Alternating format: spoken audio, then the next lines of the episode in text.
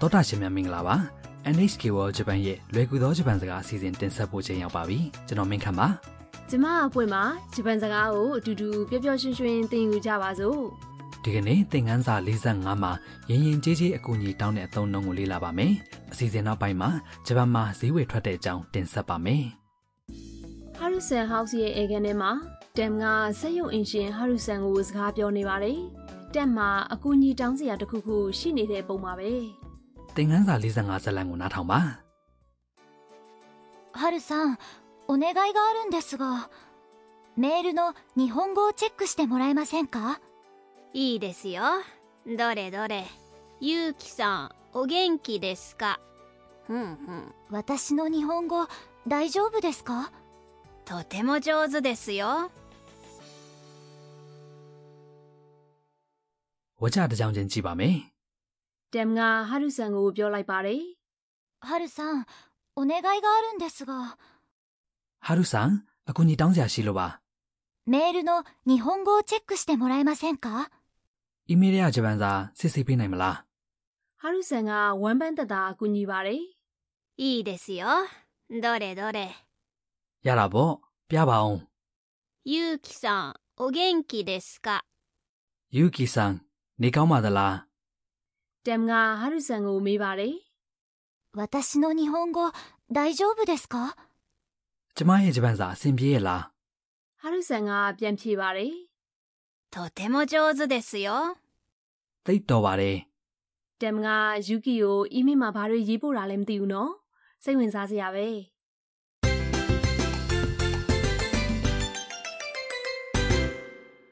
ဒီကနေ့အတွက်အဓိကအသုံးနှုန်းက 日本語をチェックしてもらえませんか ဂျပန်စာစစ်ဆေးပေးနိုင်မလားဖြစ်ပါတယ်ဒီပုံစံကိုသိသွားပြီဆိုရင်ရင်ရင်ကြီးကြီးအကူအညီတောင်းတသွားပြီဖြစ်ပါတယ်အဓိပ္ပာယ်တွေကိုကြည့်ပါမယ် 日本語 ဆိုတာဂျပန်စာ チェックしてもらえませんか ဆိုတာစစ်ဆေးပေးနိုင်မလားဖြစ်ပါတယ်ကရိယာ チェックする စစ်ဆေးတယ်ရဲ့ထဲပုံစံ チェックして မှာ もらえませんか ပေါင်းထားတာဖြစ်ပါတယ်ဒီကနေ့အတွက်အဓိကအချက်ပါရင်ရင်ကြီးကြီးအကူအညီတောင်းတဲ့အခါထဲပုံစံကရိယာမှာ もらえませんか ပေါင်းထားတဲ့ပုံစံကိုသုံးရပါမယ် もらえませんか ဆိုတာဓာတ်ရိုက်ဘာသာပြန်ရင်ရနိုင်မလားဖြစ်ပါတယ်ဒီနေရာမှာတော့ရင်ရင်ကြီးကြီးအကူအညီတောင်းတဲ့ပုံစံအဖြစ်မှတ်ထားရပါမယ် အရင်သင်ခန်းစာမှာလေးလာထားတာကတစ်ခုခုတောင်းဆိုတဲ့အခါဥပမာဖြည်းဖြည်းပြောပေးပါဆိုရင်ယူကူရီဟာနာရှိတဲ့ကုဒါဆိုင်ဆိုပြီးတဲ့ပုံစံကရိယာမှာကုဒါဆိုင်ပေါင်းပြီးပြောရတာနော်အဲ့ဒီပုံစံနဲ့မိုရာရဲမဆန်ကနဲ့ဘလို့ကွာလဲရင်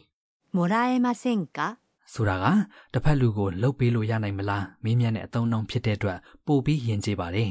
ဒါကြောင့်တစ်ခုခုလှုပ်ပေးဖို့တယောက်ယောက်ကိုအကူအညီတောင်းတဲ့အခါ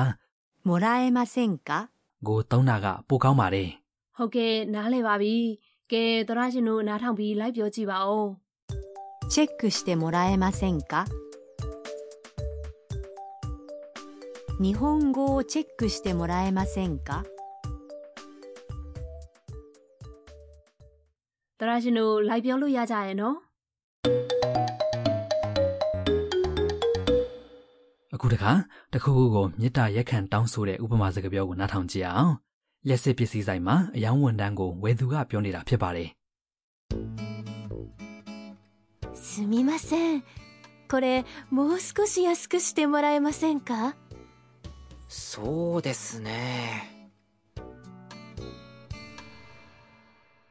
အဓိပ္ပာယ်တွေကိုကြည့်ပါမယ်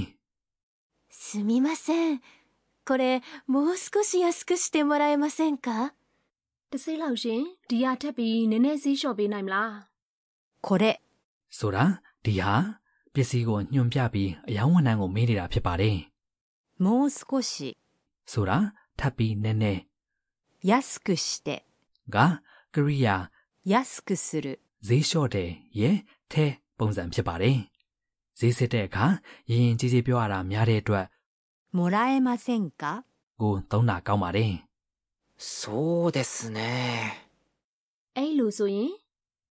そうですね ။ဆိုတာတစ်ခုခုကိုချက်ချင်းအပြည့်မပေးနိုင်ပဲနည်းနည်းစဉ်းစားတဲ့အခါသုံးတဲ့အသုံးလုံးဖြစ်ပါတယ်။ သရရှင်တို့နားထောင်ပြီးလိုက်ပြောကြည့်ပါ 安くしてもらえませんかもう少し安くしてもらえませんかすみませんもう少し安くしてもらえませんか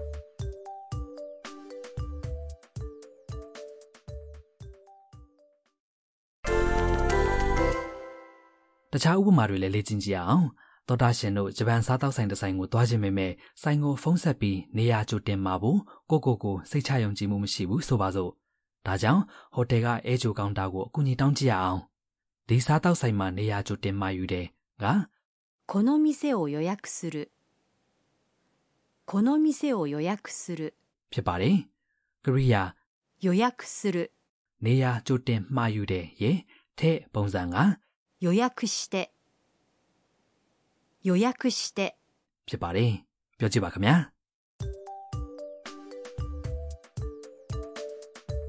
この店を予約してもらえませんか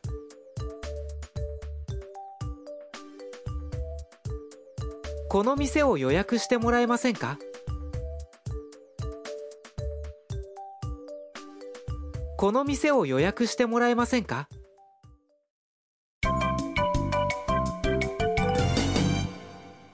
ဒီကနေ့အတွက်အပိုစုစကားကတမ်ကဟာရူဆန်ကိုပြောလိုက်တဲ့စကားပါအလွတ်မှတ်ထားပြီးပြန်သုံးကြည့်ပါခင်ဗျာ お願いがあるんですが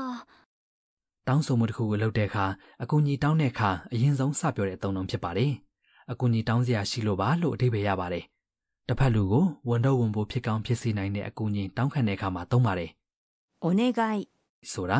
အကူအညီတောင်းဆိုမှုဖြစ်ပြီး ある ဆိုတာရှိတယ်လို့အဓိပ္ပာယ်ရပါတယ် んですが ။ဆိုတာကိုယ့်ရဲ့အခြေအနေကိုရှင်းပြပြီးတစ်ဖက်လူရဲ့အကူအညီကိုတောင်းခံဖို့အတွက်သုံးပါတယ် ဒီစကားစုကိုသူများတွေပြောထားတာနားထောင်ပါ お願いがあるんですがお願いがあるんですがお願いがあるんですが တရရှင်တို့ပြန်နားထောင်ပြီးလိုက်ပြောကြည့်ပါ お願いがあるんですが ။ဒီကနေ့အတွက်ဇာတ်လမ်းကိုနောက်တစ်ခေါက်ပြန်နှာထောင်ကြအောင်။တမ်ကဟာရူဆန်ကိုအကူအညီတောင်းတဲ့နေရာကိုတေချာအာယုံစိုက်နှာထောင်ပါ။ ハルさんお願いがあるんですがメールの日本語をチェックしてもらえませんかいいですよどれどれゆうきさんお元気ですかふんふん私の日本語大丈夫ですかとても上手ですよ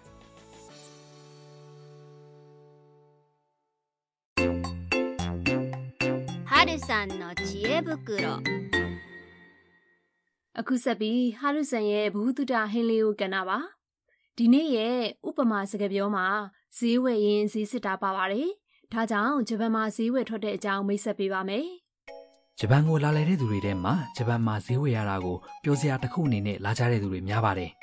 ဒါပေမဲ့ဂျပန်ကစတိုးဆိုင်တွေမှာကဈေးစစ်တာသိမ့်မလုပ်ကြဘူးနော် ။ဟုတ်တယ်စတိုးဆိုင်တွေမှာကရေးထားတဲ့သတ်မှတ်ဈေးနှုန်းတိုင်းပဲရောက်တာဈေးလျှော့ပေးတာမျိုးမရှိပါဘူး။ဂျပန်မှာဈေးစစ်လို့ရတာကလက်စစ်ပစ္စည်းအယောင်ဆိုင်ကြီးတွေနဲ့မိသားစုကိုယ်ပိုင်ဆိုင်လေးတွေပါ အော်နားလဲပါပြီဒါနဲ့ဂျပန်မှာပဲရနိုင်တာမျိုးဝယ်မယ်ဆိုရင်ရော ။ဂျပန်မှာပဲဝယ်လို့ရတဲ့အရာကိုပြောရမယ်ဆိုရင်ဥပမာနှစ်သိက္ခူကာလာမှာရောင်းတဲ့ဖူကူဖူကူတို့ပါ။ဆိုင်မှာရောင်းတဲ့ကုန်ပစ္စည်းအမျိုးမျိုးကိုအိတ်ထဲမှာရောထည့်ထားတာပါ။အိတ်ကိုပိတ်ထားတာကြောင့်အထဲမှာဘာတွေပါတယ်ဆိုတာကြည့်လို့မရပါဘူး။ တအိတ်လုံးရဲ့ဈေးကတစ်ခုချင်းဝယ်တဲ့စုစုပေါင်းဈေးနှုန်းထက်သက်သာပါတယ်။အိတ်ထဲမှာကိုလိုချင်တဲ့ပစ္စည်းတွေပါတယ်ဆိုရင်တော့ပြောစရာကြီးပေါ့။မပါဘူးဆိုရင်လည်းဝယ်တဲ့တငယ်ချင်းအချင်းချင်းလဲလှယ်ယူတာမျိုးတွေလုပ်နိုင်ပါတယ်။အိတ်ထဲမှာဘာတွေပါတယ်လဲစိတ်လှုပ်ရှားပျော်ရွှင်ရတာကဒီအိတ်တွေကိုလူကြိုက်များတဲ့အကြောင်းရင်းတစ်ခုပဲဖြစ်ပါတယ် ပြောစရာကောင်းတဲ့ပုံပဲနော် ။ဟုတ်တယ်။ဂျပန်မှာနောက်ထပ်ထူးခြားတဲ့ဈေးဝယ်တာတစ်မျိုးကရောင်းသူမရှိတဲ့ဆိုင်တွေပါ။ရာကင်းတွေနားကလမ်းဘေးမှာဆင်တွေရှိပြီးတည်တည်ဝလံဟင်းသီးရွက်တွေကိုတင်ထားတာပစ္စည်းကိုယူပြီးပတ်စံကိုကိုယ့်ဘာသာဘူးတဲ့ထည့်ရတဲ့စနစ်ဖြစ်ပါတယ်။ အဲ့လိုစနစ်ဖြစ်နိုင်တယ်ဆိုတာဂျပန်ကလုံခြုံစိတ်ချရတာကြောင့်ဖြစ်မယ်နော်